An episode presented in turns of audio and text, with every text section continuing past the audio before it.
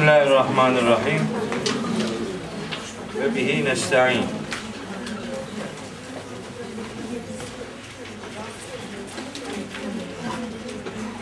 Bugün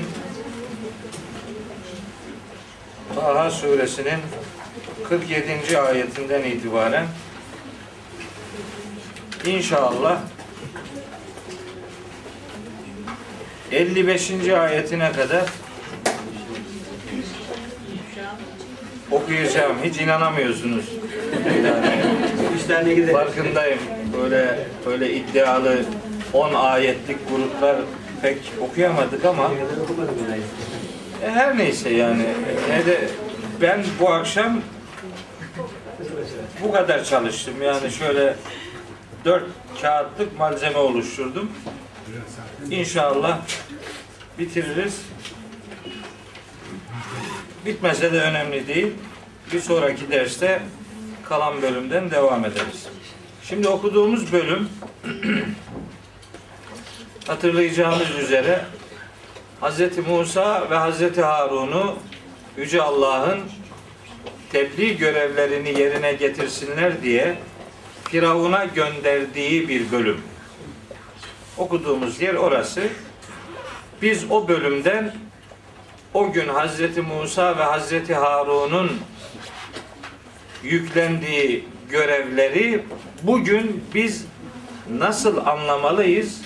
Bu görevler esasında bize neler söylüyor? Biz ilgili konuda hangi tutumu ortaya koymalıyız? Biz daha çok bununla ilgileniyoruz. Yoksa bizim derdimiz Kur'an'dan tarihi bilgiler öğrenmek filan değildir. Çünkü Kur'an kendisi bir tarih kitabı değildir. Kur'an'dan tarih öğrenilmez. Ancak Kur'an tarihe ışık tutabilir. Kur'an'da çeşitli ilimlere dair göndermeler vardır. Ama Kur'an belli bir ilmi disiplinin özel kitabı değildir. Bu kıssalarda da derdimiz kıssanın tarihsel süreci hakkında malumat sahibi olmak değil, o kıssadaki argümanların bugün bizim hayatımızda neye tekabül ettiğini öğrenmek ve hayata oradan bakabilmeyi başarmaktır. Şimdi okuyacağım ayetlerde de benzer sonuçları çıkartma imkanımız olacaktır. Surenin 24. ayetinde Yüce Allah Hz. Musa'yı Firavun'a göndermek üzere ona emirde bulunmuştu. 24'te. 42. 42. ayette bu emri yinelemişti. Bir daha vermişti. Aynı emri bu defa Hazreti Harun'la beraber. 44'te 42'de bir daha söyledi. 43'te bir daha söyledi. İzheb İzheb İzheba yani üç defa zehebe kökünden emir ifade buyurdu. Git kardeşinle beraber git ikiniz beraber gidin dedi. Üç defa peş peşe.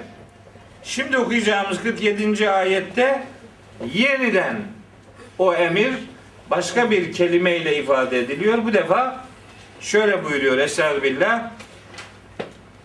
Fe'tiyahu ona gidin. Fe'tiyahu ona yani Firavun'a gidin. Niye bir pasajda dört defa bu emir tekrar edilmiştir? Demek ki çok önemli konularda istekler birden çok tekrarlanmalıdır mesajını vermek için. Konu çok önemliyse o konuyla ilgili istekler birden çok kez ifade edilmelidir. Bir defa ile geçiştirilmeli, geçiştirilmemelidir. Birden çok üzerinde durmak lazım. Biz 10 ayetlik bir pasajda, 20 ayetlik bir pasajda bir emrin dört defa yer aldığını görmekle bize böyle bir mesaj verildiğini anlarız. önemli bir işse hatırlatma birden çok olmalıdır. Önemine binaen. Gidin. İkiniz birden Firavun'a gidin. Gidin de fekula ona deyin ki Firavun'a inna rasula rabbike biz senin Rabbinin gönderdiği elçileriyiz. Biz Rabbinin gönderdiği elçileriyiz. Bu pasaj Hz. Musa'nın Firavun'la buluşması bağlamında pasaj iki ayet grubunda daha geçiyor. O ayetlerin sadece yerini söyleyeyim, detayına girmeyeyim. Araf suresi ki 7. sure bunun 104-105. ayetlerinde bu konu geçiyor. Ayrıca 26. sure olan Şuara suresinin de 16-17. ayetlerinde bu ifadeler benzer cümlelerle yer alıyor. O ayetlere evde bakarsanız benzer konunun oralarda da yer aldığını görürsünüz. Şimdi cümle şu. Fekula deyin ki ona inna rasula rabbik biz senin Rabbinin elçileriyiz. Buradan şunu anlarız biz.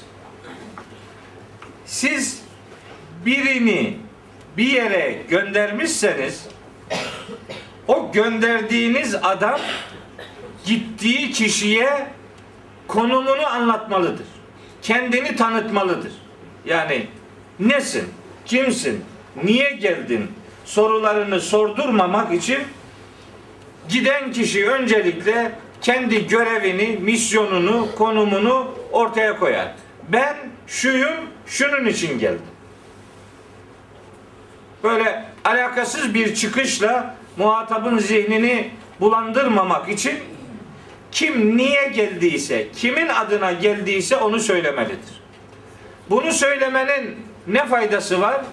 Çok önemli bir faydası var. Çünkü elçiye zeval yoktur.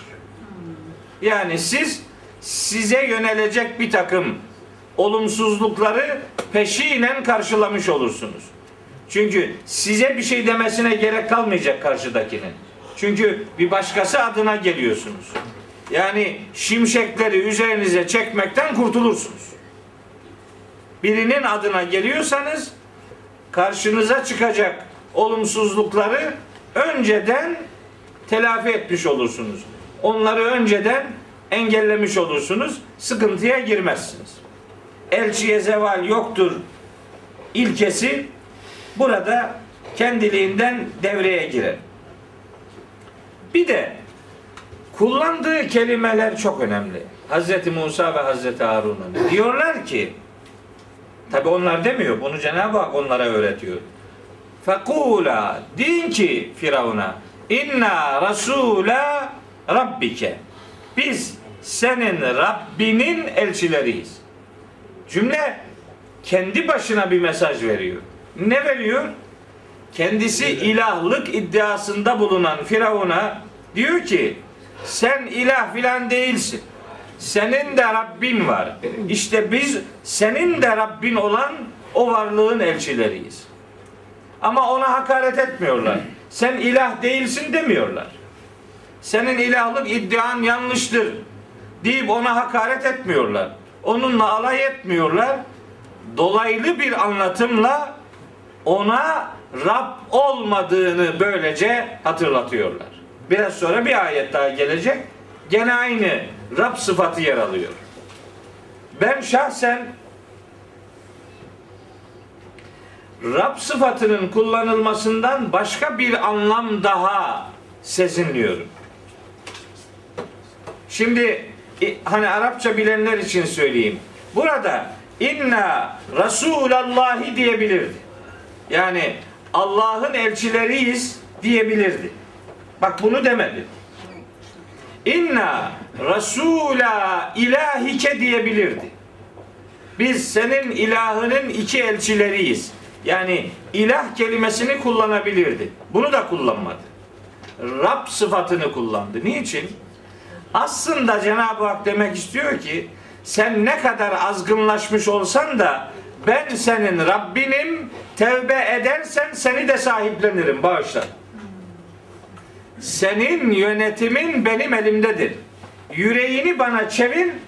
Sen bana dönersen ben sana arkamı dönmem. Seni tevbe edersen sahiplenmeye hazırım mesajı Rab sıfatıyla veriliyor olmalıdır. Allah kelimesinin, ilah kelimesinin kullanılmayıp Rab sıfatının kullanılmasının bence böyle çok önemli, çok ince, çok manidar bir anlam güzelliği vardır. Kanaatim odur. Biz buradan bize ne geliyor? Siz birine bir şey söyleyecekseniz onu suçlayarak söylemeyin. Onun ilk etapta tepkisini çekecek cümlelerle başlamayın. Mesajınızdan geri adım atmayın. Dile getirmeyi arzu ettiğiniz bilgiyi ona mutlaka sunun ama üslubunuzu düzgün kullanarak sunun. Adamı bir anda zıvanadan çıkartacak hakaret, alay, tehdit içerikli cümleler söylemeyin. Konumunuzu ortaya koyun. Kimin adına geldiğinizi, niçin geldiğinizi söyleyin ve ona verilecek dersi bazen direkt, bazen en direkt yollarla muhataba ulaştır. Bu cümleden bunları anlıyorum. Sonra asıl isteklerini dile getiriyorlar. Diyorlar ki Hz. Musa ve Hz. Harun Feersil ma'ana beni İsrail'e Ersil ma'ana beni İsrail'e İsrail oğullarını bizimle beraber gönder. Serbest bırak onları. İsrail oğullarını bize ver. Onların yönetimini bize bırak. Sen onlarla ilgilenmeyi bırak. Niye bunu söylüyorlar? Çünkü Firavun İsrail oğullarına tarihte eşi görülmemiş ya da eşine az rastlanır bir zulüm ortaya koymuştu. Firavun'a Rabbinin Allah olduğu bilgisini dolaylı olarak veren Hz. Musa ve Hz. Harun o gelişlerindeki asıl mesajlarının İsrail oğullarını o eziyetten kurtarmak olarak şekillendirmiştir. İsrail oğullarını bizimle beraber gönder. Çünkü onlar büyük bir eziyete maruz bırakılmışlardı. Hani hatırlayacaksınız Kasas suresinin dördüncü ayeti burayı ele almıştı bu konuyu. Orada buyuruyordu Yüce Allah. Estağfirullah. İnne firavune ala fil ardı. Firavun ülkesinde çok ceberut bir tutum içerisine girmişti. Ve ceale ehleha şiyan. Kendi kavmini yönettiği insanları gruplara bölmüştü. Yestad'ifu taifeten minhum böylece her bir grubu zayıf düşürmüştü. Yani toplumu kamplara ayırmış ve onlara eziyetin en büyüğünü yapmış idi. Onları köleleştirmiş idi.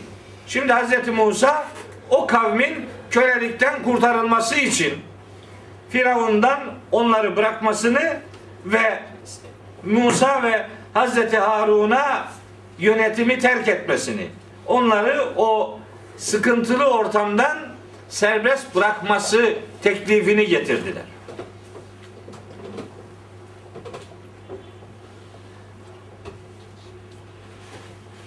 İsrailoğullarını bizimle beraber gönder ve la tuazzibuhum. Artık onlara eziyeti terk et. Onlara artık eziyet etme. Yeter artık.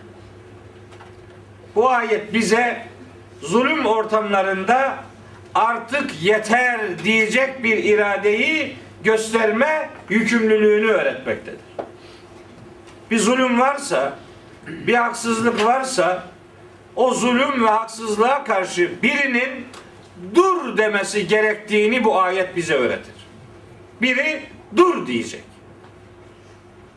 O kişi eğer bunu Allah adına ortaya koyarsa elbet bunun etkisi tesiri söz konusu olacaktır. Onlara eziyeti bırak. Yaptığı eziyet neydi? Biliyorsunuz hani yesumunekum su'el azabi. Size azabın eziyetin en kötüsünü yapıyor yapıyorlardı. Erkek çocuklarını öldürüyor, öldürtüyor, kadınlarını sağ bıraktırıyordu. Bu olayı hem Araf suresi 141'de hem Bakara suresi 49'da hem İbrahim suresinin 6. ayetinde Yüce Allah bize hatırlatıyor. Evet. Onlara eziyeti terk et cümlesi ile biz başka bir ilişki daha kurabiliriz zihnimizde. Esas eziyeti terk etsin diye teklifte bulunduğu konu Hazreti Musa ve Hazreti Harun'un onların çocukları öldürmelerini engellemekti. Çocukları öldürüyorlar. Biz benzer bir arızayı Mekke'de de görüyoruz. Aslında işin bu boyutlarda ele alınmasının sebebi Mekke'deki kız çocukları katliamını ortadan kaldırıcı tarihsel bir öğretiye yer vermektir. Mesele bu. Firavun'un kıssasının bu kadar detaylı anlatılması o günün Mekke'si ile ahlaki bozukluklar noktasındaki benzerliği ortaya koymak içindir. Peygamberimiz de benzer bir misyonu Mekke'de uygulamıştır. Gelmiş öğretileriyle Mekke toplumuna kız çocuklarını öldürmemeleri gerektiğini onlara öğretmiştir. Öğretmeye çalışmıştır. Firavun'un bozukluğu Mekke toplumunun da bozukluğuydu. Biri erkek çocuklarını öldürüyordu, öbürü kız çocuklarını öldürüyor. Neticede ikisi de insan katlediyordu. Üstelik savunmasız insanları katlediyorlardı. Meselenin ısrarcı bir şekilde hatırlatılmasının asıl sebebinin Firavun zulmünün Mekke'deki zulümle eşleştirilmesi ve ikisinden de vazgeçilmesi gereğinin insan hakkı olduğunun öğretilmesidir. Peki bize ne var bundan? Bize ne? Bugün erkek çocuklarını öldüren Firavun yok. Kız çocuklarını öldüren Mekkeliler de yok. Bize ne? Bize çok şey var. Biz bugün ne Firavun gibi sadece erkek çocuklarını ne Mekkeliler gibi sadece kız çocuklarını öldürmekle yetinmiyoruz. Biz bugün koca bir nesli bir biyolojik olarak ana rahminde katlettiriyoruz. Kürtaj ve o spiral denen ahlaksız müdahaleyi yaptırarak kendi çocuğunu öldürüyor kadın. Bakın Firavun başkasının erkek çocuklarını öldürüyordu. Mekkeli müşrikler kendi kızlarını öldürüyorlardı. Ama iki tarafta da analar devrede yoktu. Bugün bizzat karnındaki çocuklarını öldürenler analar. Yani insanlık çocuklarına karşı ahlaklı davranma noktasında Firavun ve Mekkelilerden daha ileri bir düzgünlüğe sahip değildir. Kanaatim odur ki çok daha gerideler. Çünkü karnındaki kendi çocuğunu öldürüyor. Onlara çocuklarınızı öldürmeyin diyen kitabın bize de mesajı siz de Allah'ın size emanet ettiği çocuklarınızı biyolojik olarak karnınızda öldürmeyin. Bir, iki, eğitimleriyle ilgilenmeyerek ahlaken dünyalarını ve ebediyen ahiretlerini öldürmeyin mesajını veriyor. Yani bize yönelik mesaj iki türlü. Bir, biyolojik öldürmeyi terk edin. İki, ahlaken öldürmeyi, dünyayı ve ahireti perişan edecek öldürmeyi terk edin. Bize yönelik ayetlerin mesajının bu olduğunu düşünüyorum. Öyle ya, niye bu kadar detaylı ele alınıyor ki bu? Bizi ilgilendirmiyor diyemez hiç kimse. bizi herkesten daha çok ilgilendiriyor. Okullardaki hocaları, birebir ana babaları ve daha büyük ölçekte devleti idare edenleri bu ayetleri yakinen ilgilendiriyor. Milletin çocuklarına sahip çıkacaksınız. Vesselam. Hz. Musa'nın annesinin kızını Musa'nın peşinden gönderdiği ayette ifade etmiştim. Çocuğu doğurmak maharet değildir. Onu sokağa salmak maharet değildir. Onun her anıyla ilgilenmektir peygamber ahlakı dediğimiz ahlak. Kur'an bize bunu öğretir. Saldım çayıra, Mevlam kayıra mantığı mantık değildir. Takip edeceksin. Ona yönelik yanlışlıkların önüne geçeceksin ve olabildiğince hassas davranarak onu felaketlerin kucağına itilmekten kurtaracaksın. Evet. Devam ediyor ayeti kerime. Hazreti Musa ve Hazreti Harun Firavun'a diyorlar ki üçüncü istek. Birinci istek İsrailoğullarını bizimle beraber gönder. Yani zulme dur de. Kölelikten kurtarmak isteği ortaya koyacak. İki, eziyetlerin terk edilmesini sağlayacak. Üç, bakın. Kad ci'nake bi ayetin min rabbike. Biz sana Rabbinden bir ayet getirdik. Biz sana Rabbinden bir delil getirdik. Biz sana Rabbinden şu mesajı getirdik. Şimdi buradaki ayet kelimesi delil anlamına gelir. Mucize anlamına gelir.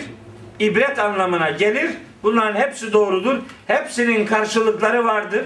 Daha önce okuduğumuz ayetlerde bunun mucize karşılığı vardır, delil karşılığı vardır, ibret karşılığı vardır. Hepsinin ayet olarak karşılıkları vardır.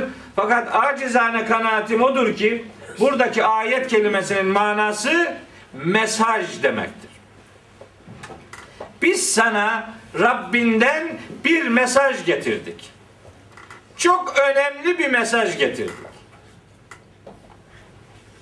Hangi mesaj? İşte mesaj.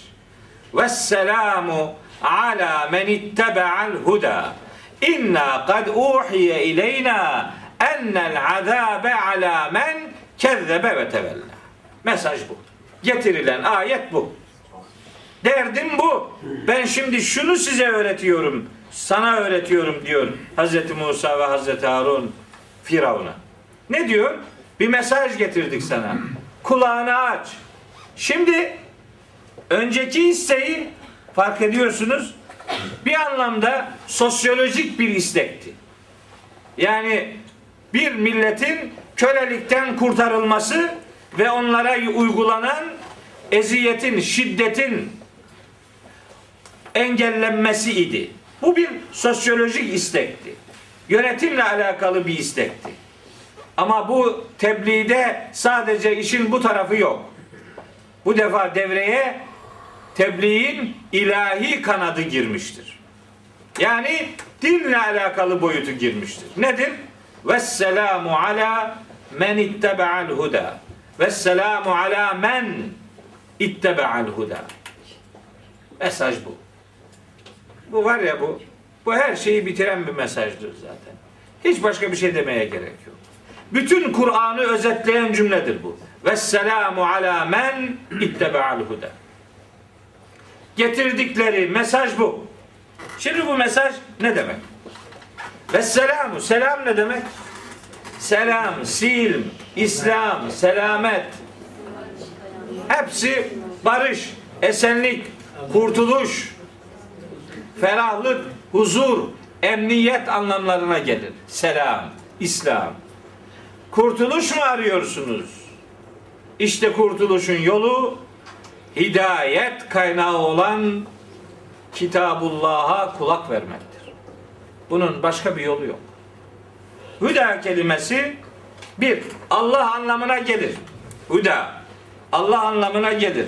İki, doğru yol, istikamet anlamına gelir. Üç, tevhid anlamına gelir. Dört, bütün bunları insanlara öğreten ilahi mesaj anlamına gelir.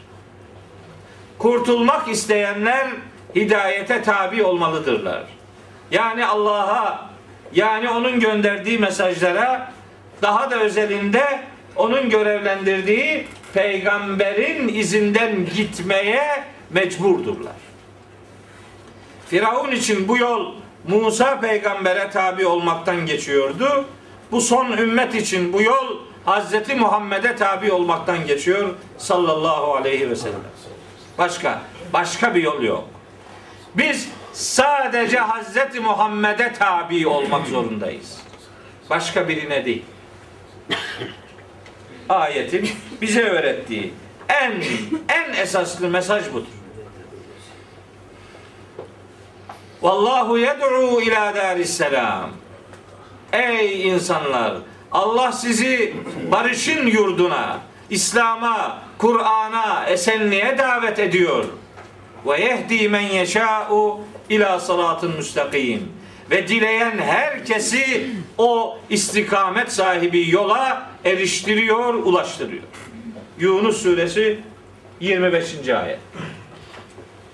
Yol Allah'ın koyduğu yoldur. Başka yol yol değildir. En'am suresini nasip olur da burada işlersek ki o çok zor. Ona bir 20 sene lazım. En'am suresi acayip bir suredir. Çok uzun bir sure ama hele o surenin bir üç tane ayeti var peş peşe. 151, 152, 153. ayetleri. Bütün ilahi sistemi özetleyen muhteşem bir anayasal bilgi verir.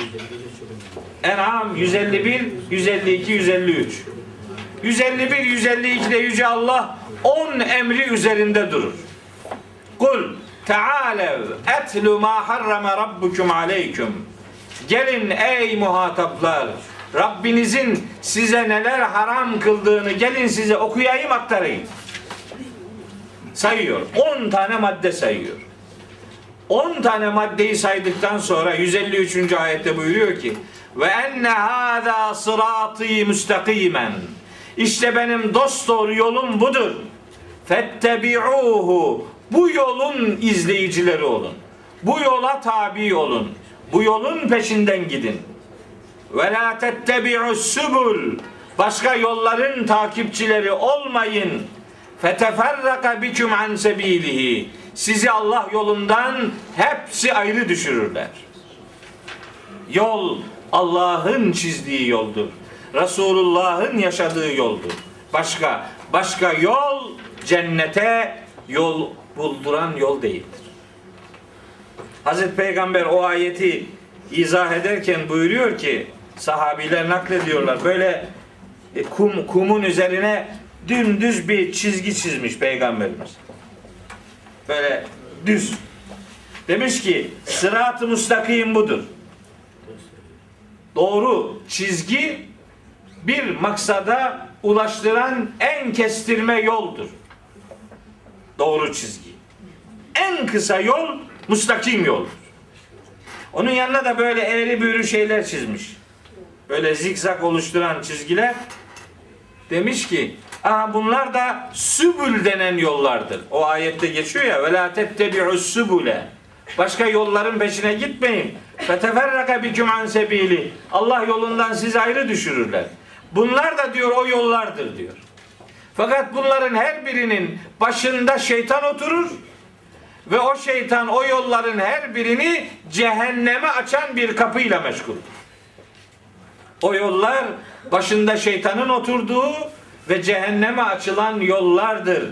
Bu yolların peşinden sakın ha gitmeyesiniz.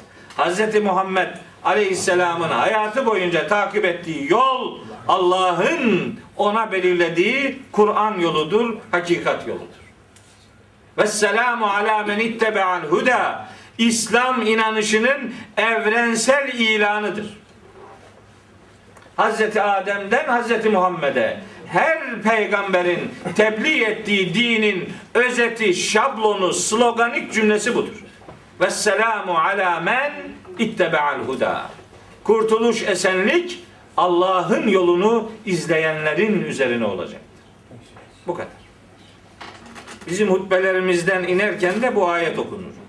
Vesselamu ala men ittebe'al huda. Bir şey geliyor mu aklınıza bu cümleyi söylerken? Bir şey geliyordur. Evet. Şimdi sana bir mesaj getirdik diyor ya. Kad ci'nake bi ayetin min rabbik. Bak gene Rabbinden bir mesaj getirdik. Niye Rab diyor? Aynı biraz önce söylediğim gerekçelerle. Ey Firavun sen ilah değilsin. Kulsun aklını başına topla. Bir bunu demek istiyor. Bir de demek istiyor ki sen de tevbe edersen karşında sana da merhamet eden Rabbini bulacaksın.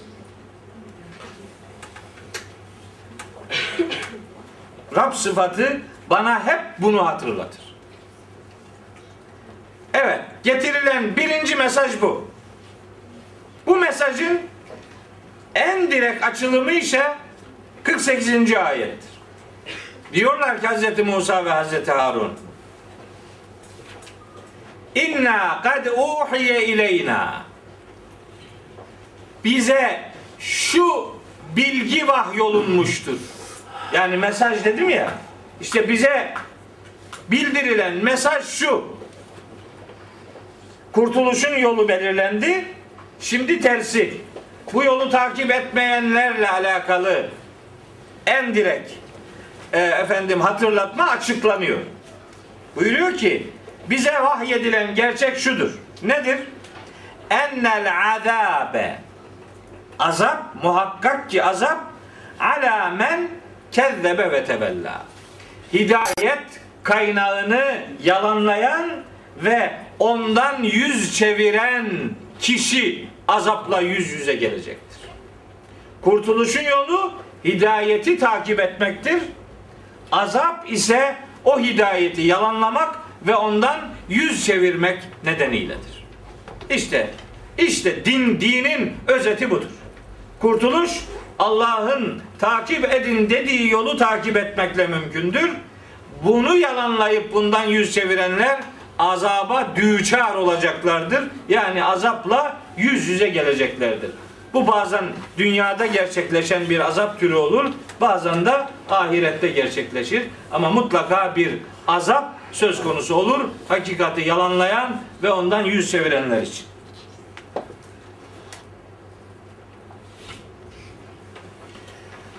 Gerçeği yalanlamak şimdi biz mesaj çıkartıyoruz bundan. Gerçeği yalanlamak ve gerçeğe yabancı durmak ondan ayrı bir hayat ortaya koymak azaba nedendir. Gerçeği yalanlamak ve ondan yüz çevirmek azap nedenidir. Gerçek nedir? Gerçek Allah'ın bildirdiğidir. Resulullah'ın yaşadığıdır. Din adına gerçek budur. Bu gerçeği yalanlamak ve ondan yüz çevirmek azap nedenidir bir. İki. Tebliğde iki temel unsur mutlaka bulunmalıdır. Bir, yürek ferahlatıcı bir esenlik cümlesi. İki, bu yapılmazsa karşılaşılacak felaket hakkında bilgi vermek. Yani bir müjde, bir beşaret, bir bir de nevir kısmı vardır bunun. Uyarı kısmı. Felaketler gelebilir. Buradaki müjde ve selamu ala men ittebe'al hudadır. Uyarı ise ennel azabe ala men kezzebe ve tevella kısmıdır. Yani kurtuluş, esenlik hidayeti takip edenleredir. Azap ise gerçeği yalanlayıp ondan yüz çevirenleredir. Bir mesaj tek boyutuyla ele alınmamalıdır. Daima iki boyutu söz konusu edilerek mesaj, tebliğ insanlara ulaştırılmalıdır. Fakat burada bakın gene çok çok nezih bir üslup var. Firavun'a demiyorlar ki senin üzerine azap gelecek haberin olsun. Öyle demiyor. Cümleyi Firavun üzerinden kullanmıyor Hazreti Musa. Genel bir sıfat olarak kullanıyor. Sen gerçeği yalanladın ve gerçekten yüz çevirdin. Dolayısıyla sen cehennemliksin demiyor. İlk karşılaşmada bu söylenmez. Ama o mesajı verecekseniz onu muhatabın üzerinden değil en direkt bir ifadeyle söylemelisiniz. İddianızdan vazgeçmeyeceksiniz. Ama muhatabı zivanadan da çıkartmayacaksınız. Çünkü sizin derdiniz onu cehenneme göndermek değil. Onun da hidayet bulmasına vesile oluşturmaktır. Mesaj, mesaj ulaştırmadaki amacınız budur. Ala men kezzebe ve tevella. Yani inna kad uhiye ileyna ennel azabe aleyke demiyor. Azap senin üzerinedir demiyor. Çünkü bu bir sonra söylenecek sözü iptal eder. Ancak mesajı vermek hep direkt konuşmayla olmaz. Bazen en direkt cümlelerle de adama vereceğin dersi mutlaka veririz. Bu bize onu öğretir. Bir adama ilk defa karşı çıkacağı cümleyi ilk söz olarak söylememek gerekir. Başka sözlerle, olabilecek yumuşak yaklaşımlarla ona yaklaşmak gerekir. Zaten geçen ders okuduğumuz ayette ne diyordu? Fekula lehu kavlen leyyine. Yumuşak söz söyleyin. Adama sen cehennemliksin dedim mi zaten bitti git. Yumuşak ne yumuşak? En sertinden adamı zaten bıraktın gittin. İşte bu bize bir tebliğ ahlakı öğretti. Hocam güzel bir atasözü var ya. Yarım doktor insanı candan der, yarım hoca da dinlene derdi. Ona uygun bir şey alalım yani. O hoca yarımsa ona hoca demezler. Adama hoca dedim mi yarımına kim karar verecek? Ben hocayım diyor işi bitiriyor ya. Ne hocası? Evet. Bir şey daha söylüyorum bu ayetle ilgili. Eminim bana hepiniz hak vereceksiniz şimdi. Ben bunlar benim çıkarttığım, ayetten çıkarttığım sonuçlar. Bu ayet bize ne öğretir bilir misiniz? Hani inna kad uhiye ileyna ala enel azabe ala men kezzebe ve tevella. Ayeti cümlesi bize şunu öğretir. Peygamberler dahil bütün din tebliğcileri kendi kafalarına göre konuşmamalıdırlar. Vahiyden beslenmelidirler. Vahiyden beslenerek konuşacaksın. Çünkü davetin Allah'adır. Allah'a davet eden adam vahye sarılmak zorundadır. Vahye sarılmadan davet gerçekleşmez. İnna kad uhiye ileyna bize bunu öğretir. Biz de tebliğde vahiden besleneceğiz. Bir sunumun iddiası din adına tebliğ ise onun argümanlarını Allah belirlemelidir. Peygamber dahil kendisi belirleyemez. Çünkü insan fıtratını şekillendiren varlık Allah'tır. O fıtratın nasıl istikamete sahip kılınacağının ilkelerini belirleyen de insanı yaratan varlıktır. Yani Yüce Allah. Ne diyor biraz önce okuduğum En'am suresi ayetinde peygamberimize ne dedir, dedirtiyor Cenab-ı Hak? Kul taalev etlu ma harrama rabbukum aleyküm. Rabbinizin size neleri haram kıldığını size okuyayım diyor bak. Başka bir ayette diyor ki kul la ecidu fîmâ uhiye ileyye muharramen yani bana vahyedilen şeyin içerisinde haram olarak işte şunları şunları şunları buluyorum. Peygamber din adına sunumunda vahiden beslenmelidir. Kur'an'ın öğrettiği gerçek bize budur. Şimdi biz ne yapacağız? Bizim yapacağımız belli. Hani diyordu ya 42. ayette İzheb ente ve ahuke bi ayati ve la teniya fi zikri. O ayet üzerinde çok uzun uzun durmuştuk. Yani sen kardeşinle beraber git. Ayetlerimi götür. Yani benim mesajlarımı götürün ona. Kendi kafanızdan bir şey söylemeyin. Elçilik kafasından bir şey üretmemeyi gerektirir. Elçi onu kim elçi olarak görevlendirdiyse onun dediklerini aynen ulaştırandır. Melek elçiydi, vahye bir şey katmadı. Hazreti Peygamber elçiydi, o da vahye bir şey katmadı. Zaten katsaydı Hakka suresinin 44, 45, 46. ayetlerini burada çok hatırlattım size. وَلَوْ تَقَوَّلَ عَلَيْنَا بَعْضَ لَقَاو۪يلِ Eğer peygamber bize vahiy adına bazı sözleri isnat etseydi, yani bizim vahyetmediğimiz şeyi vahyetmişiz gibi söyleseydi. لَاَخَذْنَا مِنْهُ بِالْيَم۪ينِ bu nedenle onu sağ kolundan güçlü bir şekilde yakalardık. Sümme lekata'na minhul vetine sonra da onun şah damarını keser parçalardık. Fema minküm min ahadin anhu hacizine içinizden hiçbiri de buna engel olamazdı. Ciddi iş bu iş. Allah adına konuşurken çok hesap ederek konuşmak lazım. Böyle aklına estiği gibi din adına bu böyledir o şöyledir demek büyük cesaret ister. Biz bu ayetlerden vahiyden beslenen bir tebliğ ahlakı öğreniriz. Bize bu ayetler bunu öğretir. Evet. Şimdi devam ediyoruz.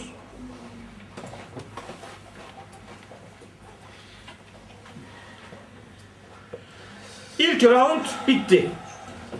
Tebliğde bulundu Hazreti Musa ve Hazreti Harun.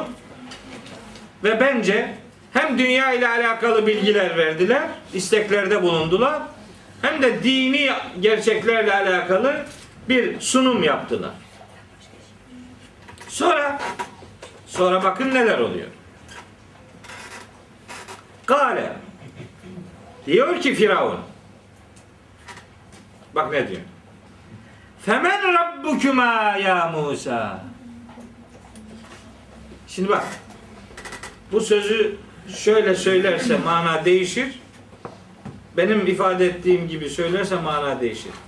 Eğer Firavun bu cümleyi söylerken ifadesi şuysa yani kale dedi ki Femen rabbukuma ya Musa. Ey Musa Rabbiniz kimdir? Yani nasıl bir varlıktır? Bunu bana anlatın. Mesela eğer ifadenin söyleniş biçimi buysa ayetin anlamı budur. Çünkü sorular birkaç türlü sorulur. Bir, cevap öğrenmek için. İki, cevap dikte etmek için. Üç, başkalarına öğretmek için. Dört, alay etmek için. Beş, bilgiçlik taslamak için. Beş çeşit soru vardır. Öyle adam geliyor, hocam sana bir şey soracağım diyor. Bir bakıyorsun ki sormuyor. Akıl veriyor. Oo neler anlatıyor. Sorusu yarım saat sürüyor adamın. Derdi öğrenmek değil. Ya bize bir şey dikte etmek istiyor. Bak sen bilmiyorsun. Seni rencide etmiyorum. Ben sana bunu öğreteyim. Bu iyiliğimi unutma. Değil mi, değil mi, değil mi der. Değil mi, mi. Adam 40 kere evet evet dedirtince sana 41. de de sen mecburen evet dersin. Bazı bazı sorular böyledir. Bazıları bak ben biliyorum sen bilmiyorsun. Böyle bir hava verdirir. Bazıları gerçekten cevabını öğrenmek için soru sorar. Bazıları çevredekilere bir şey öğretmek için soru sorar. Bazıları da burada olduğu gibi alay etmek için soru sorar. Kale demiş ki Firavun Femen Rabbukuma ya Musa Ey Musa yani sizin Rabbiniz de kimmiş? Rabbi var. Hani diyordu ya ma alimtu leküm min ilahin gayri. Benden başka sizin için hiçbir ilah tanımıyorum demişti ya. Şu Ara suresinde demişti onu. 23. ayet şey, şey Kasas'ta ve kâle firavunu ya eyyuhel melevu Firavun demişti ki ey yöneticiler ma alimtu leküm min ilahin gayri 38. ayet. Sizin için benden başka hiçbir ilah tanımıyorum. İlah yok diyor. Ben benim. Hatta şu arada diyor ki Kale le inittehazte ilahen gayri eğer benden başka bir ilah edinirsen le ec'alenneke minel mescunine seni hapse tıkatılanlardan edeceğim. Yani seni hapse atacağım. Diyor Hazreti Musa'ya. Durmuyor. Nazihat suresindeki ifadesi de zaten insanlık tarihinin en cüretkar cümlesidir. Fekale demiş ki ene rabbukumul a'la Nazihat 24. ayetinde. Geçen hafta söylemiştim. benim, ben, Rabbiniz benim, en yüce benim. Tek yüce benim. Başka ilah milah yok. Diyor. Böyle diyen adam bu soruyu cevabını öğrenmek için sormuş olamaz. Yani femen rabbukuma ya Musa'nın karşılığı şudur. Yani senin Rabbin varmış öyle mi? Nasıl bir şeymiş bu? Kesin böyle demiştir. Alay ediyor yani. Dalga geçiyor.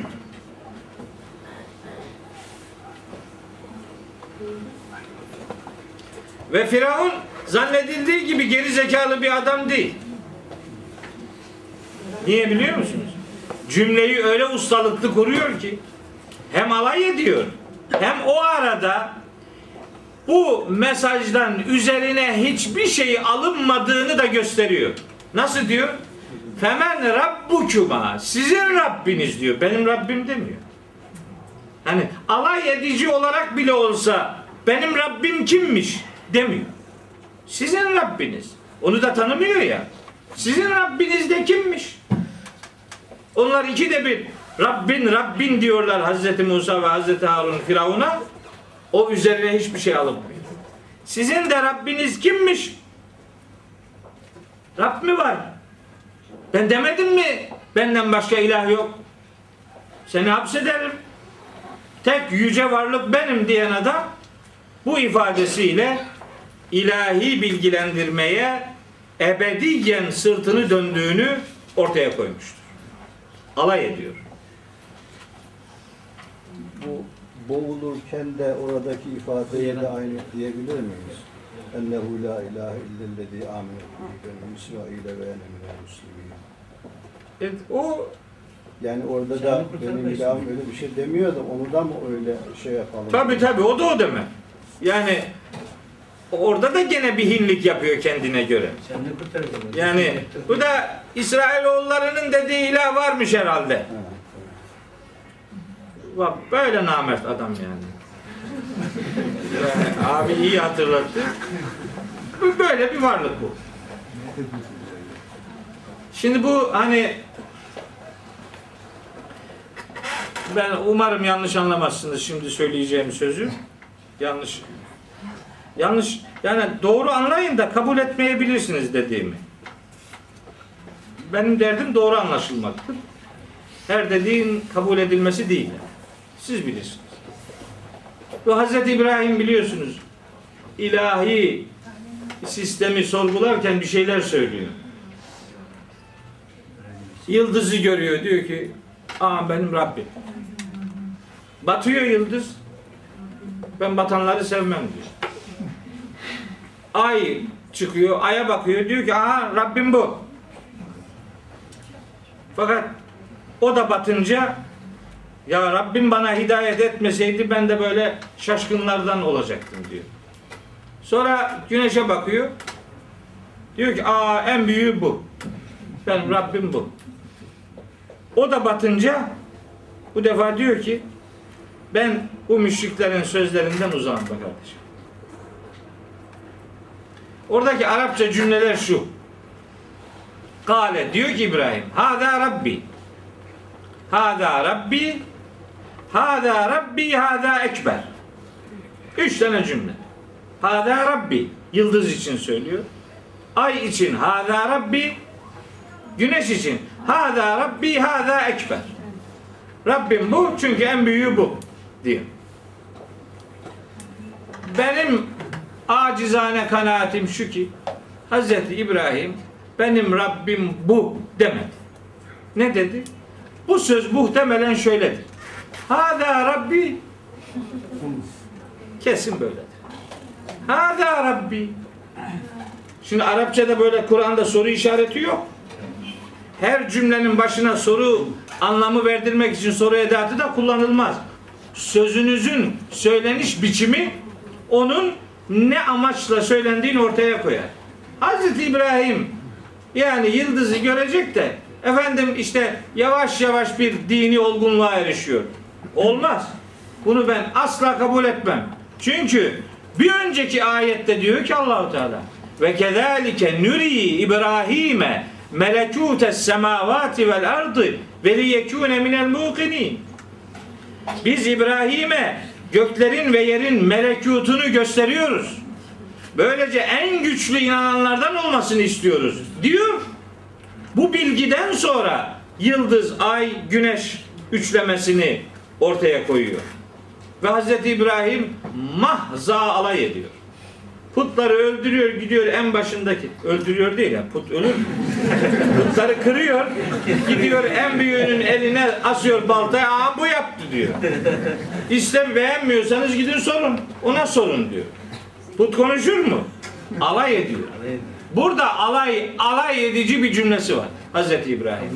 Şunu En'am suresinin 76, 77, 78. ayetlerindeki Hada Rabbi ifadesinin de alay için söylenilmiş bir ifade birer ifade olduğunu düşünüyorum. Alay. Kesin öyle. Bir de onlar yıldızlara tapıyorlar ya onların diliyle acaba yani bu mu? Hani onlar Tabi tapıyorlar. onlara alay ediyor işte. Onların dili Tabi ondan ondan. gök cisimlerine tapınılmasıyla şiddetli bir şekilde alay ediyor. Ama buradaki de Femen Rabbukuma ya Musa anlaşılıyor ki Hz. Musa Hz. Musa Firavun'un bu çirkin sorusunu esaslı bir şekilde cevaplayacak şimdi. Soru çirkin. Çünkü alay ediliyor. Siz alay edici bir üslupla bir şey söylersiniz ama karşınızda öyle bir cevap alırsınız ki o sözü ağzınıza aldığınıza bin pişman olursunuz.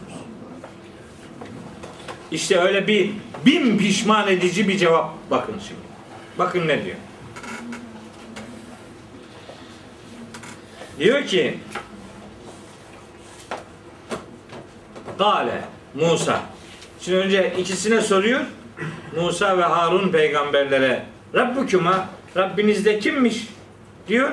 Cevabı Hazreti Musa veriyor. Tabi koro halinde cevap vermiyor. Hazreti Musa ve Hazreti Harun beraber cevap vermiyor. Bir kişi temsilci cevap veriyor. Gale diyor ki bakın ne diyor.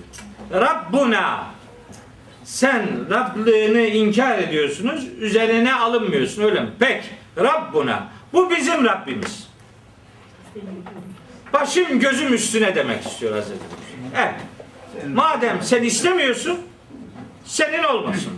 Bu şimdi bizim Rabbimiz. Bizim Rabbimiz şudur. Unutma. Evrensel iki gerçeklik hatırlatıyor Hazreti Musa. Rabbuna. Bizim Rabbimiz şudur. Ellezî a'ta külle şeyin halkahu. Bir. Bizim Rabbimiz her şeye yaratılışını verendir. Yani bizim Rabbimiz her şeyin ortaksız yaratıcısıdır. Mutlak yaratıcı bizim Rabbimizdir. Demek istiyor ki her şey ifadesi Firavun'u da içeriyor. Sen ne kadar inkar edersen et biliyorsun ki seni sen yaratmadın. Seni de o yarattı. Sen her ne kadar inkar etsen de çok iyi biliyorsun ki seni de başka varlıkları da sen yaratmadın. Her şeyi o yaratmıştır. Sen dahil. Ve Hazreti Musa ölümsüz bir gerçeği Firavun'a haykırıyor. Diyor ki madem ki sen de yaratıldın bilesin ki yaratılanlar yaratamazlar. Yani sen ilah filan olamazsın. Bitti. Her şeyi o yarattı. Sen de her şeyin içinde bir varlıksın. Her ne kadar inkar etsen de çok iyi biliyorsun ki seni de başkalarını da sen yaratmadın. Her şeyi yaratan o varlıktır bizim Rabbimiz.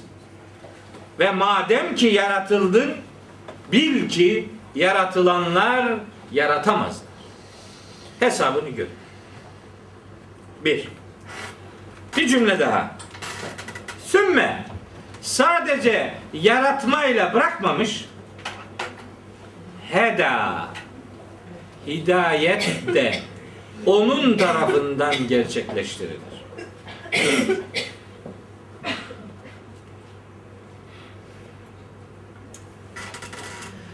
Şimdi burada eee, çok önceleri ilk yıl Ala suresini okumuştuk. Ala suresi ilk indirilen surelerdendir. 8. sırada indirilmiş suredir. Onu o ilk okuduğumuz zamanlar okuduk. Tabi onlar unuttuk gitti. Böyle ders olmaz ki. Tabii. Bu bilmem çok usulüne uygun mu ne oluyor bilmiyorum ama böyle gidiyor. Orada Ala suresinin ilk ayetlerini okurken söyledim mi bilmiyorum ama şimdi söyleyeyim. Bakın Cenab-ı Hak kendisini tanıtıyor. Hazreti Musa ile Hazreti Muhammed'in tebliğde beslendiği kaynağın aynı kaynak olduğunun en çarpıcı delillerinden biri bu ayet ve Ala suresinin ilk ayetleridir. Yüce Allah buyuruyor ki Sebbihisme rabbikel a'la Sen tek yüce olan Rabbinin adını tesbih et. Ellezî o öyle bir Rab'dır ki halaka yaratandır. Fesevva düzenleyendir. Vellezî kaddere her şeye ölçü takdir edendir. Feheda ve hidayet edendir. O ayetteki hidayet de yani Ala suresindeki 3. ayetteki hidayet kelimesi de bu ayetteki hidayet kelimesi de terim anlamıyla ifade edildiği üzere hidayet etmek, yol göstermek, hakikati öğretmek anlamından ziyade hidayet etmek, yaratılış amacına yönlendirmek demektir. Allah her şeyi yoktan var edendir ve her şeyi yaratılış amacına uygun şekillendirendir. Yani her şeyin hidayeti farklıdır. Rüzgarın hidayeti esmektir. Suyun hidayeti akmaktır. Bulutun hidayeti gölge yapmak, yağmur üretmektir. Kuşun hidayeti uçmaktır. Güneşin hidayeti ışık ve ısı saçmaktır. İnsanın hidayeti ise yaratıcısını tanıyacak şekilde fıtratla programlanmasıdır. Hani hidayete erdiren, erdiririz biz diyor ya allah Teala. O, o hidayet bu değil. O hidayet bu değil mi? Bu şimdi Firavun da istemiyor. Hi- Hidayetin ikinci anlamıdır şimdi benim üzerinde durduğum anlam. Yol gösteren anlamının öncesinde bir anlam veriyorum ben. Yani her varlık ne için yaratılmışsa o uğurda programlanmıştır. Hz. Musa onu söylüyor. Şimdi demek istiyor ki benim hidayetim peygamber olarak yani benim görevim sana tebliğde bulunmaktır. Senin görevin bu tebliğden yararlanmaktır. Başka varlıkların hidayetinin de kaynağı Allah'tır. Allah her varlığı hangi amaç için yaratmışsa o amaç doğrultusunda onu programlamıştır. Hidayetin bu bağlamda karşılığı budur. Hani sayalım ki genelde kabul edilen görüşe göre bu ayetteki hidayet de normal hidayet anlamına gelsin. Yani yol göstermek. O zaman ayetin mesaj derinliği farklı bir yol oluşturur. Benim kanaatim buradaki hidayet varlıkların yaratılış amacına uygun halde programlanmasıdır. Bence bu ayetteki ilk anlam budur. İkinci anlam ise hidayet etmek demektir. Yani hidayet eden demek doğru yolu gösteren demektir. Buradan ne çıkar? Eğer maksat doğru yolu göstermekse bu ayetten ne çıkar? Bir, Allah yarattığı varlığı başıboş bırakmaz. Yani onu hidayette buluşturur. Onun için peygamberler görevlendirmiştir. Onun için kitaplar indirmiştir. Allah yarattığını başıboş bırakmaz. Bununla ilgili bir sürü ayet var. Yani bir çırpıda size 30 tane ayet okurum burayla alakalı. Bir sürü. Ama bir cümleyle geçiyor. Bir. İki. Allah hidayet edendir. Yani Allah insana hayat ilkelerini öğretendir. Başıboş bırakmaz demek. Cenab-ı Hak insana hayatında uygulayacağı esasları öğretendir. Allah öğretir. Hidayet eden Allah'tır. Yani demek istiyor ki sen kim oluyorsun? Sen mi yarattın ki hidayet edeceksin? Yaratan hidayet eder. Yaratılan hidayet edemez. Yaratamadığına göre hidayet etmek de senin işin değil. Yaratan hidayet eder. Allah yaratandır. Hidayet eden de odur. İkinci sonuç bu. Ve evrensel bir başka, güne yönelik bir başka sonuç. Allah yaratandır. Yarattığına hidayet edendir. Öyleyse siz de ey insanlar sahibi olduğunuz çocuklarınızın hidayet alanını boş bırakmayın. Sahip çıkın çocuklarınıza. Neslinize sahip çıkın. Öğretmenler öğrencilerine, işverenler işçilerine, yöneticiler tebaasına, ana babalar çocuklarına sahip çıksınlar. Allah bize çocuklarımıza sahip çıkma ahlakını da bu şekilde öğretmektedir diyebiliriz. Tekrar ediyorum. Ben bu ayetteki hidayetin aslında o birinci anlama geldiğini düşünüyorum. Yok eğer ikinci anlama geliyor kabul edilirse işte o zaman da bu üç sonucu ayetlerden rahatlıkla çıkartabiliriz. Nedir? Yaratan hidayet eder. Yaratan yarattığını boş bırakmaz. Hayatının ilkelerini o öğretir. Hidayet edici olmak için yaratıcı olmak gerekir. İnsanlar da kendilerine emanet edilen nesillerini hidayetçisiz, yolsuz, mürşitsiz bırakmasınlar demektir. Bizim mürşidimiz kaynak olarak Kur'an, insan olarak Hz. Muhammed'dir aleyhissalatü vesselam. Şimdi Firavun'un bu karşı çıkışı alay edici cümlelerine bir örnek cümle vermek istiyorum. Hani şu Ara suresini okumadık biz burada ama çok sıklıkla şu Ara suresine göndermelerde bulunduk. Sureyi okuyacağımız zaman belki bu detayları o zaman ortaya koymayız. Daha hızlı geçeriz. Bakın Firavun diyor ki bu alay edici cümlelerine ilave. Burada alay edici Rab kelimesini kullanıyor. Allah'la alakalı başka bir şey demiyor. Ama Cenab-ı Hak onun bu bağlamda başka sorular da sorduğunu bize öğretiyor. Burada bu kadarını vermiş. Hani dedim ya Kur'an konuları serpiştirerek anlatır. Her konu bir yerde anlatılıp bitmez. Şu Ara suresine gidersek orada bakın nasıl cümleler var. Bu konuyla alakalı. Kale Firavunu. Firavun demiş ki ve kale Firavunu diye bizim bir fıkramız var. Bunu anlattım mı burada? Anlatmadım. Ve kale Firavun. Ha. Bizim Çaykara'da herkes mollaymış, molla. Okumuş herkes. Herkes hoca. Bizim Çaykara'da vaaz etmek çok zor. Cemaatte normal cemaat yok. Hepsi şey. Hepsi okumuş ya. Bir tanesi de yeni bitirmiş şeyi okumayı yani yeni icazet almış işte. Çıkmış kürsüde vaaz edecek. Şimdi vaaz ederken tabi alışmış dili Allahu deyince Allah buyurdu demir değil mi? Kâle Resulullahi deyince Resulullah buyurdu. Allah ve peygamber kale fiiliyle ilişkilendirilince bunların tercümesi buyurdu şeklinde yapılır. Bizim garip yeni bitirmiş, heyecanlanmış, çıkmış kürsüye demiş ki ve kâle firavunu Firavun buyurdu demiş. E, şaşırdı, heyecanlandı garibi. Bizim oranın ağzıyla. Buyurdu. Alttaki demiş ki yani demek amma da yaptın yani. Ve kâle firavun Hoca efendi Firavun da buyurur. Yani Firavun buyurur mu hiç? Ve kâle firavunu firavun af kurdi.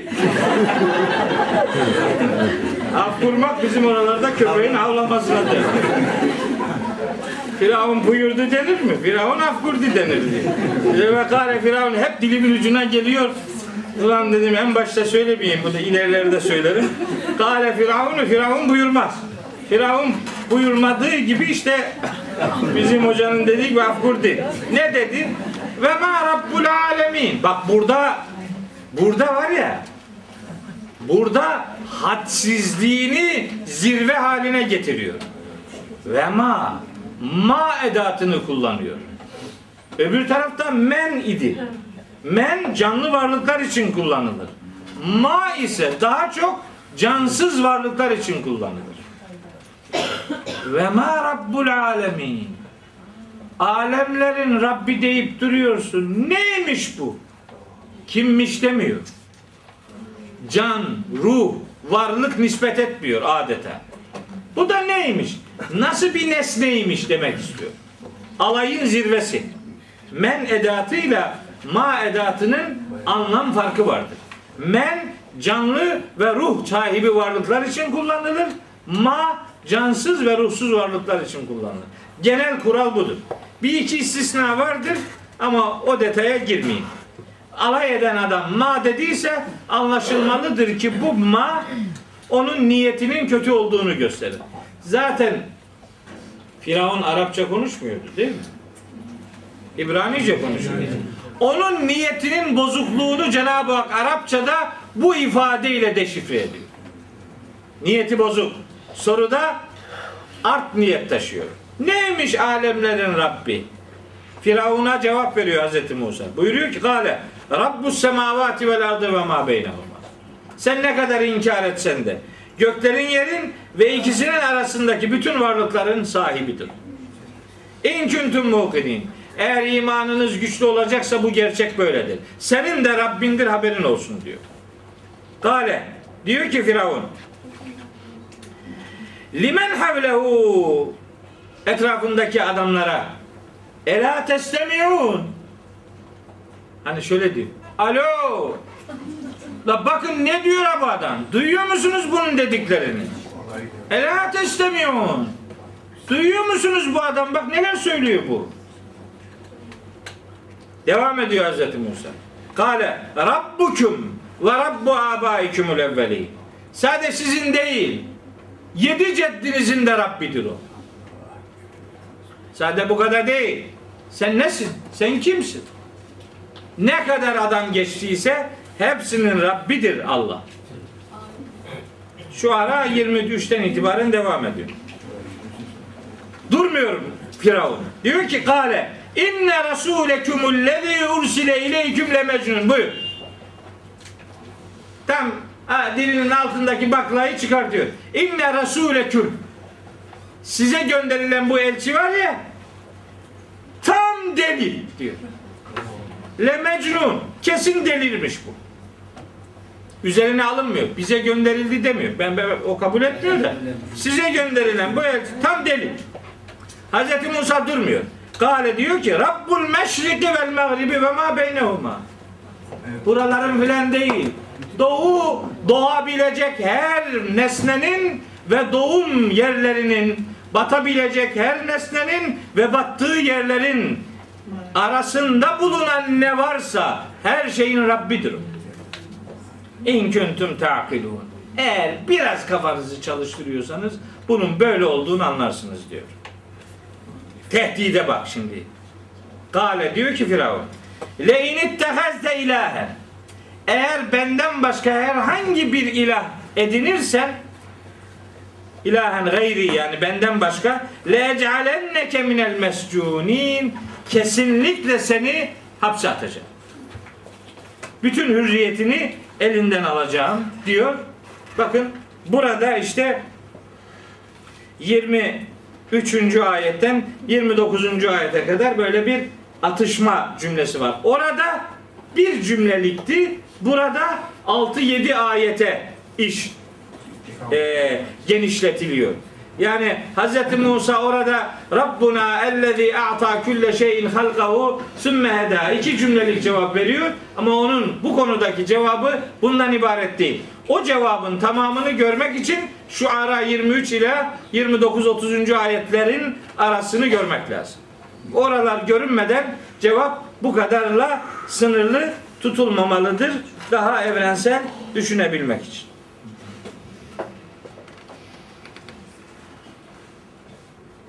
Evet. Belki burayla alakalı son bir şey söyleyeyim. Rabbun ellezî a'ta külle şeyin halkahu sümme heda cevabı Hz. Musa verirken Allahu Teala'nın yaratıcı sıfatına dikkat çekiyor. Sonra hidayet edici sıfatına dikkat çekiyor. Buradan biz de bir din tebliğcisi olarak tebliğimize yaratıcı Allah motifiyle ve hidayet edicinin o olduğu gerçeğini hatırlatarak başlatmalıyız diye bir sonuç çıkartabiliriz. Bize yönelik. Bakın Kur'an-ı Kerim de böyle başladı. Öyle değil mi? İkra Bismi Rabbikellezi halak. Bak yaratan Allah motifiyle başladı. Tebliğde yaratan Allah motifi tebliğin ilk konusudur. yaratan Allah. E, kitab-ı mukaddes var ya. Tabii şimdi elimizdeki kitap mı? Onun ilk kitabı da tekvin kitabıdır. Yaratış yani. Yaratılış yani. Tekvin yaratılış demek. Yarat, yaratmak yani. Yani kitab-ı mukaddesin ilk konusu da budur. Kur'an-ı Kerim'in ilk indirilen ayetinin konusu da Cenab-ı Hakk'ın yaratma sıfatıdır. Buradan bize Yüce Allah'ı tanıtırken onun adına tebliğde bulunurken yapmamız gereken ilk iş yaratıcı Allah ve hidayet edicinin o olduğu gerçeğini hatırlatıcı bir üslup, bir metot, bir sıralama belirlememizdir diyor. Evet okuduk şimdi. 47, 48, 49, 50. Dört tane okuduk. Şimdi devam ediyor. Garibim tabi kendisi insan olduğu için insanca düşünüyor. İnsan insan aklı kadar düşünüyor. Her varlığı kendisi gibi zannediyor. Bakın şimdi buradaki ikinci sorusu. Kale diyor ki Firavun. Demek istiyor ki tamam anladık.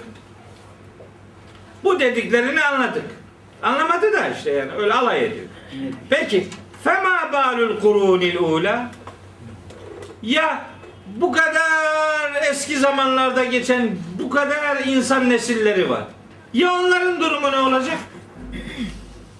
Yani demek istiyor ki Firavun herhalde hani 48. ayette 47 ve 48. ayetteki mesaj kurtuluş hidayete tabi olanlaradır. Azap da gerçeği yalanlayıp ondan yüz çevirenleredir. Bu onlar bundan habersizdiler. Peki yani onların durumu ne olacak? Fema balul kurunil ula ilk nesillerin efendim durumu ya nasıl olacak? Zannediyor ki azap tehdidi sadece o gün yaşayanlaradır. Eğer o gün yaşayanlara ise eskilerinin durumu ne olacak diyor. Hani onlar da yalanladılar. Biz yalanlıyoruz, azaba uğrayacağız. E onlar da yalanladı, onlar kurtuldu mu? Demek istiyor, demeye getiriyor. Azabın sadece hayatta olanlarla sınırlı olduğunu zannediyor. Geçmişlerle alakalı böyle bir esasın bulunmadığını düşünüyor. Kendine göre Hz. Musa'yı açık düşürmeye çalışıyor. Bugünle ilgili bir şey diyorsun ama unutma dün de var. Ya onların durumu ne olacak? Kendine göre böyle bir mantık üretiyor. Şimdi kendi kendi gerçeğini ikinci bir yapmıyor hocam bunu şimdi kendi Rab Alay ediyor, alay. Alay ediyor. Anlayıcılar kendi Rab olduğunu iddia ediyor ya sanki burada kendini de çürütüyormuş gibi. Yok. Çocuğunu da getiriyor. Yok yok kendi ilahlığından hiç vazgeçmiyor. Bu, bu, bu soruların tamamı alay. Femen rabbukuma ya Musa alay ve ma rabbul alemin alay bu da alay. Demek istiyor ki yani öyle bir şey konuşuyorsun ki günü kurtarır zannediyorsun ama dün de var demek istiyor. Güya tuzağa düşürüyor Hazreti Musa'yı. Bakın bu bu bu atalar meselesi bizim bizim kültürümüzde de var. Yani Kur'an-ı Kerim'de de çok kınanan e, yaklaşımlardan biridir bu. E, hatırlarsanız burada Vakıa suresini okumuştuk. Okumuş muyduk? Bilmiyorum ki. Unuttum. Neyse okuduk veya okumadık. Orada diyor ki bakın Cenab-ı Hak buyuruyor ki Ashab-ı Şimal kimlerden oluşacaktır? Onları anlatıyor. Onların dünyadaki durumunu ifade ediyor. Ve kanu yekulune derlerdi ki bu defterini sol taraftan alanlar dünya hayatlarında derlerdi ki Eyyidâ mitna ve künnâ turaben ve izamen biz toprak ve birer kemik yığını haline geldiğimiz zaman yani öldüğümüz zaman mı e inna lemeb'usune biz mi diriltileceğiz? Hadi bize yutturdunuz bunu demek istiyorlar. Eve abaunel evvelun yani eski atalarımız da mı diriltilecek? Bu kadar adam nereye sığacak diyor. Onlar da mı diriltilecek? Bakın bu karşı çıkış ta insanlık tarihi kadar eski yani. Hz. Musa'nın dönemiyle de örneklendiriliyor. Hz. Peygamber dönemine kadar da iş geliyor. Geliyor ama cevap çok felaket. Vaka suresi 47, 48, 49, 50. Kul de ki böyle diyenlere innel evveline vel ahirine Evet evet. Bütün önceki nesiller ve bütün sonra gelecek olanlar hepsi diriltilecek. Bunların tamamı lemecmuune ila miqati yevmin ma'lumin. Belli bir günün belli bir vaktinde mutlaka toplanacaklardır. Hiç hiç uçarı kaçarı yok. Hepsi mutlaka toplanacaktır. Bakın Mustafa ne oldu? Bunu aldın mı? Sen de diriltileceksin haberin evet. Bakın Saffat suresi 16. ayette benzer bir ifade var. Önemine binaen hatırlatmak istiyorum. Kullanılan cümlelerin nasıl olduğunu örneklendireyim diye. 16, 17, 18. ayette. Diyor ki inkarcılar peygamberimizle alay ettikten sonra Eyyidâ mitna öldüğümüz zaman mı? Ve künnâ turaben ve izamen toprak ve kemiğe dönüştüğümüz zaman mı? E inna lemeb'ûsûne biz diriltileceğiz öyle mi? E ve âbâunel evvelûne bu kadar eski atalarımız hepsi. Kul de ki onlara naam evet evet ve entüm dâhirûne hepiniz boyun bükmüş hor ve hakir hale getirilmiş şekilde hepiniz diriltileceksiniz. Sadece adam gibi diriltilsen bayılırdın demek istiyor. Hor ve hakir, zelil, perişan, haşiaten absaruhum, terhakuhum zille. Suratları dökülmüş, yüzleri gözleri perişan, adeta korkudan dışarı fırlamış gibi diriltilecekler. Adam gibi diriltilsen bayılırdın demek istiyor. Evet. Kul naam ve entüm dahirun. Sadece bu kadar da değil. Bir tane daha söyleyeyim. O da Yasin'den olsun. Bir sürü var da yani böyle üç tane örnek vereyim. 31-32. ayetleri Yasin'in. Elem yarav görmez mi bu insanlar kemehlekna kablehum minel kurudi kendilerinden önce helak ettiğimiz nice nesiller vardı. Bu adamlar ennehum ileyhim la yerciune görmüyorlar mı ki o helak edilenler şu anda yaşamak olan yaşamakta olanların yanına gelmiyorlar. Helak olan gidiyor. Geri dönüşü dünyaya yok. Helaki hak edenler bu dünyaya bir daha gelmeyecekler. Bunu bilmiyorlar mı? Ve fakat unutulup gidildiğini zannetmesinler. Ve in küllün lemma cemi'un ledeyna muhdarune. Ve in küllün Eskilerin hepsi lemma cemiun bugün ve sonra gelecek olanların hepsi ledeyna bizim katımızda lemuhdarune zorla hazır kılınacaklardır. İhdar zorla getirtilmek demek. Eskiler ve yeniler. Ne kadar insan varsa hepsi huzura getirilecektir. Yani Firavun'un o günkü cümleleri Firavun ve Firavun, Firavun'la sınırlı değil. Firavun gitti ama Firavunluk gitmedi. Devam ediyor. Aynı karşı çıkış. Bugün yok mu? Oo, dolu ortalık. Şimdi onların onların cümlelerine Kur'ani motiflerle bezenmiş cevaplar verilirse meselede görev yerine getirilmiş olur diyorum. Evet, bir ayet daha okuyayım. Hz. Musa'nın buna verdiği cevabı okuyayım. Ondan sonraki üç ayet tabi kalacak. Öyle anlaşılıyor. Kale diyor ki Hz. Musa hangi soruya karşılık? Fema balul kurunil ula. Canım bu kadar eski milletler ne olacak? Bu dediklerinin onlarla ilgili geçer, geçerliliği ya da gerçekliği nedir?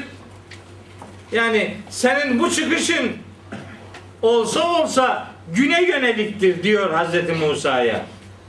Güya kendine göre bir açık düşürmeye çalışıyor. Tuzağa düşürmeye çalışıyor. Hazreti Musa cevabı veriyor. Kale diyor ki Hazreti Musa ilmuha o bütün eski adamlarla ilgili bilgi inde Rabbi Rabbimin katındadır fi kitabin kayıt altındadır. Bununla ilgili iki, iki anlam vereceğim. La yadullu Rabbi ve la yensa. Benim Rabbim ne şaşırır ne de unutur. Hiç merakını saklama. Bu ayeti okurken aklıma Rahman suresinin ayeti geliyor. Senefruhu leküm eyyühes sekalani. Ey iki ağırlığın sahibi olanlar. Bilin ki sizin için de boş zamanımız olacaktır. Hiç kurtuluş yok. Ya o demek bu yani. Hiç kaçarınız kurtuluşunuz yok. Evet. Diyor ki Hz. Musa öncekilerin bilgisi Rabbimin katındadır. Bir kitaptadır. Bu cümleden ben önce şunu anlarım. Hz. Musa öncekilerin durumu hakkında kararı kendisi vermiyor. Demiyor ki öncekiler de azaptadır. Veya öncekiler kurtulmuştur. Ve onların durumu şudur budur demiyor. Ne diyor? Bunu ben bilmem diyor. Onun sahibi Allah'tır. Kime ne muamele yapacağını o bilir. Yargıç değilim diyor ben. Ben tebliğciyim. Ben anlamam onlardan. O sorunun muhatabı ben değilim diyor. Onun muhatabı Allahu Teala'dır. O ne yapacağını bilir. Ben karar vermem insanlar hakkında. İşte peygamber ahlakı. Biz biz önümüze geleni ya cennete ya cehenneme postalamaya, genellikle de cehenneme postalamaya neredeyse kendimizi adadık. Bir tane adam cennete sokmuyoruz. Herkes cehenneme. Cennette boş yer kalmaz korkusuyla cehenneme havale ediyor. O arada biz bir cennete sıvışıyoruz tam. Ya peygamberi ahlak bu değil işte bak. İlmuha inde Rabbi. Bu konudaki bilgi Rabbimin katında. Ben ne bilirim diyor. Onları yaratan o, muhasebesini yapacak olan o, karar verecek olan o. Bu bu cümlenin bizdeki karşılığı nedir? Maliki yevmiddin'dir. Yani hesap gününün sahibi o. Allah Allah. İnil hükmü illa lillah. Hüküm sadece Allah'a ait. Ben ne bileyim? Vel emru yevmeydin lillah diyor ya İnfitar suresinin son ayetinde. O gün emir, karar, hüküm başlı başına sadece ve sadece Allah'ındır ve selam. Başka başka bir şey yok diyor. Ben ne anlarım? Kime ne soruyorsun diyor. Bize sorsalar biz ne yaparız? Biz hemen liste oluştururuz hemen. Yani beş dakika beş dakika bize izin verse Allahu Teala beş dakikada hesabı görürüz. Hani diyor ya Nisa suresinde nasıl da bize anlatıyor. Em lehum nasibun minel mulki. Yoksa bu adamların kainatın idaresinden bir payları mı var?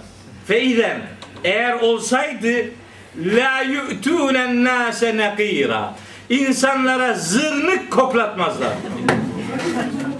Aynen böyle. Tam bugün anlatıyor.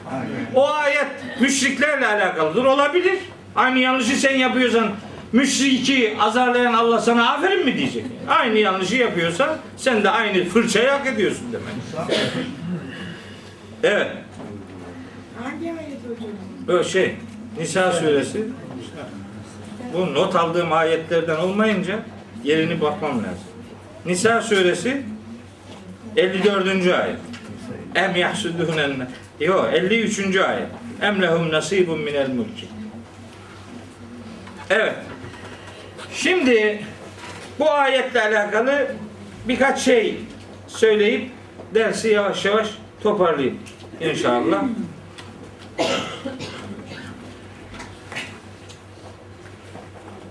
Bir, Hazreti Musa Firavun'a ders veriyor. Diyor ki, demek istiyor ki ilah olmak için şaşırmamak ve unutmamak gerekir. Sen şaşkın ve unutkan bir varlıksın. Çünkü eskilerin ne olduğunu bilmiyor. Unutmuş. Kimseden haberi yok. Sen ilah olamazsın demek istiyor.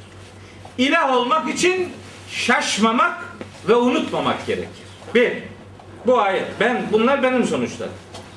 Bunu anlıyorum. Hz. Musa Firavun'u böyle karşılıyor. Bir. iki. Firavun bu cümleyi söyleyerek yani soruyu so- sorar sorduğunda anlamadan farkına varmadan demin arkadaşın söylediği gibi farkına varmadan kendi acizliğini itiraf ediyor.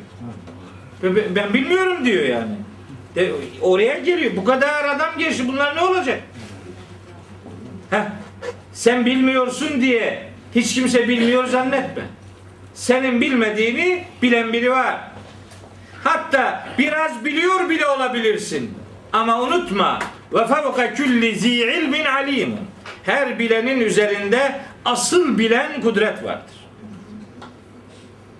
Firavun açık düşüreceğini zannettiği Hazreti Musa'dan kendisi açık düşen bir esaslı tokat cevabı alıyor.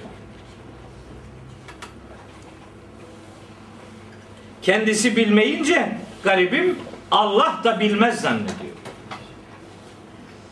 Kendi ilahlık iddiasının ne kadar yersiz olduğunu ve ilahlık motifiyle uzaktan yakından ilgisinin bulunmadığını böylece itiraf etmiş oluyor.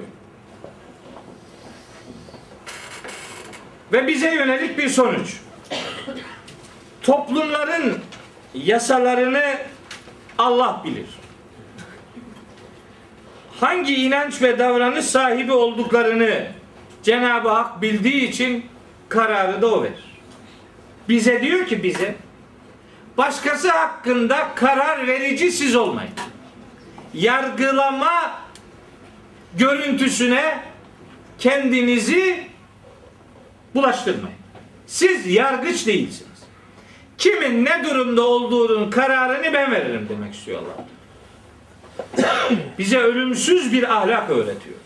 Sizin göreviniz insanca ve Müslümanca yaşayıp etrafınıza örnek olmaktır. Sizin göreviniz yaşamadığınızı başkalarına satmak değil ya da sizin gibi yaşamayanları mahkum etmek değil.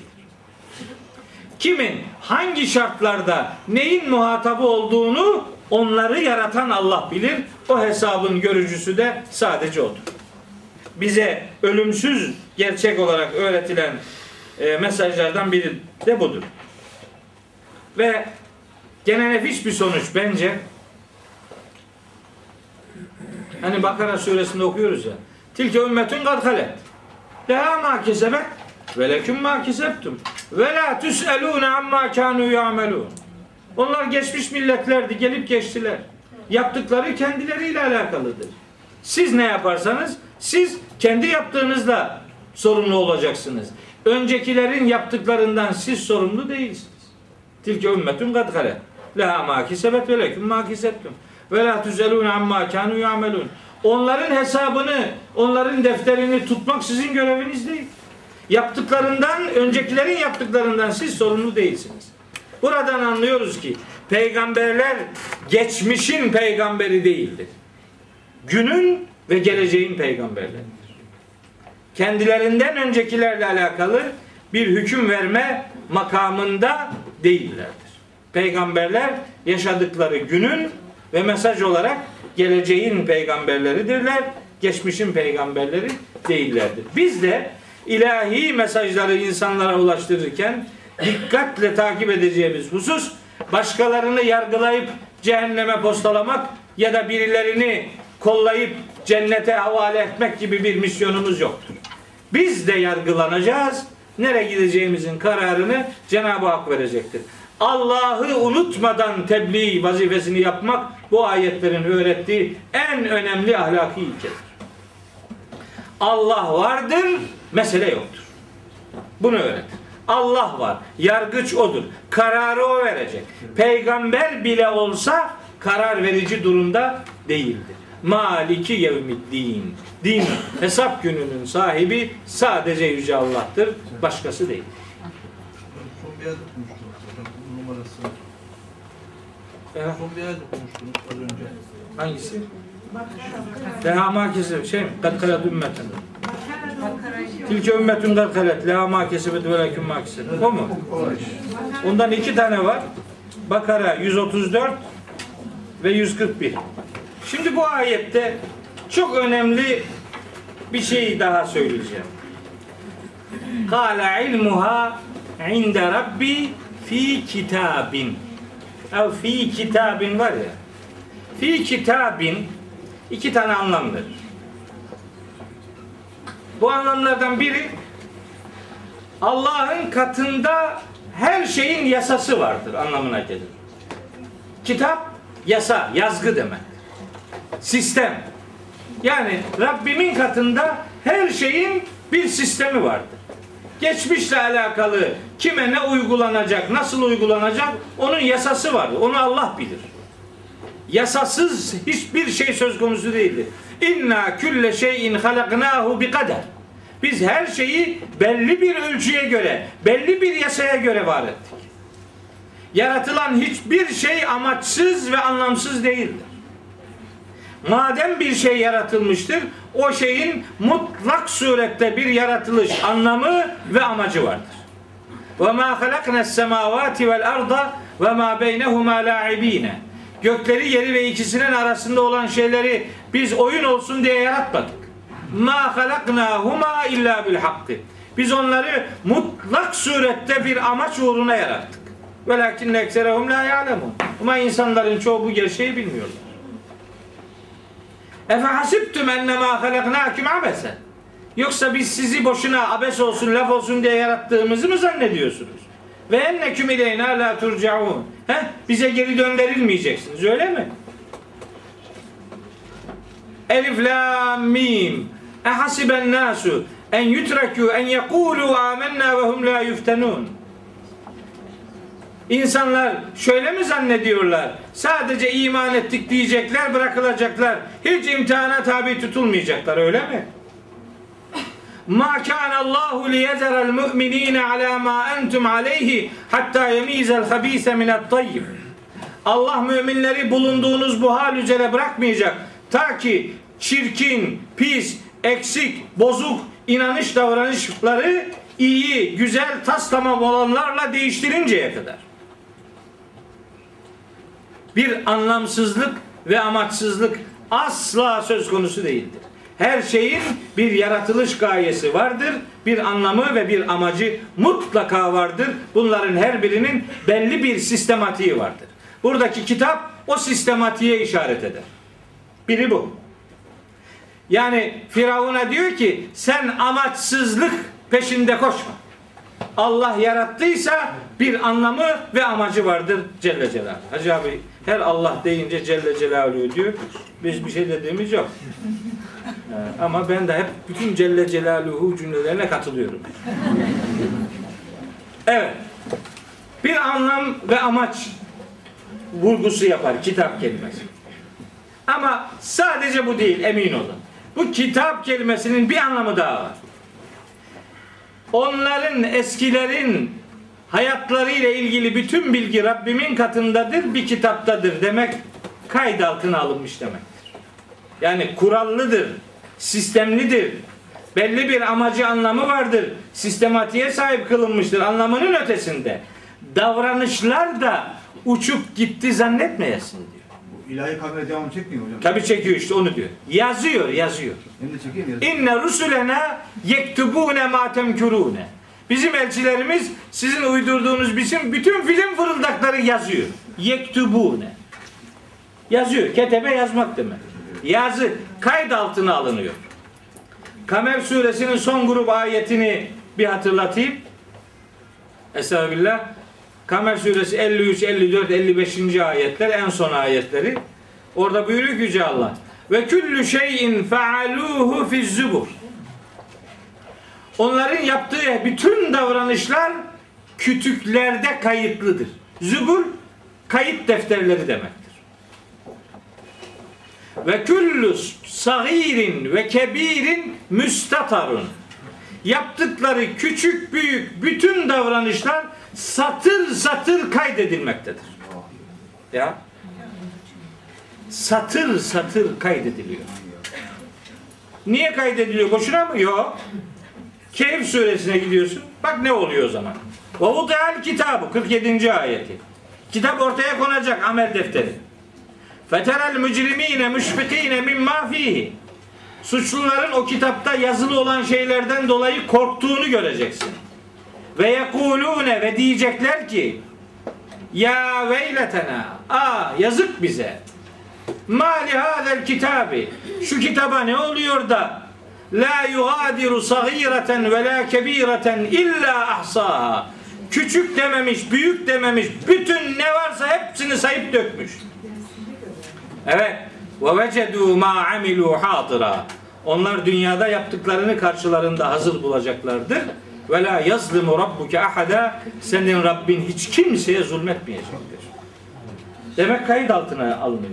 Yasin suresinin 12. ayeti de onu söylüyor. İnna nahnu nuhyil mevta ve nektubu ve nektubu yazıyoruz.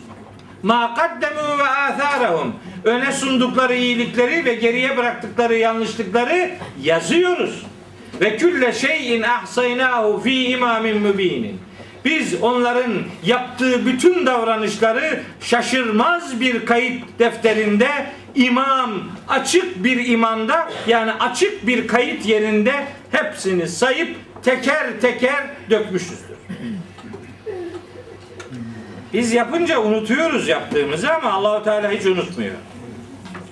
Mücadele suresinin 6. ayeti. Buyuruyor ki Yüce Allah. Estağfirullah. Yevme yeb'asuhumullahu cemiyen. Allah onların hepsini diriltecek mahşer günü. Ve yunebbiuhum bima amilu. Yaptıklarının hepsini onlara haber verecektir. Ehsahullahu ve nesuhu. Onların unuttuğu her şeyi Allah bir bir sayıp dökecektir. İşte başka ayetler de var. Bu kadar değil. Daha kaç tane ayet var da daha fazla uzatmayayım. Bu yani Firavun'un eskilerin durumu ne olacak sorusuna verilen cevaptaki onların bilgisi Rabbimin katındadır. Bir kitaptadır ifadesi yapılan davranışların teker teker kayıt altına alındığını ifade eden, ispat eden muhteşem bir Kur'an gerçekliğidir. O günün Hz. Musa'nın tebliğ kalemlerinden olan bu esas bugünün Müslümanının da unutmaması gereken önemli bir bilgi eee, değerindedir. Bunu unutmamak ve hayatımızı buna göre yaşamak durumundayız.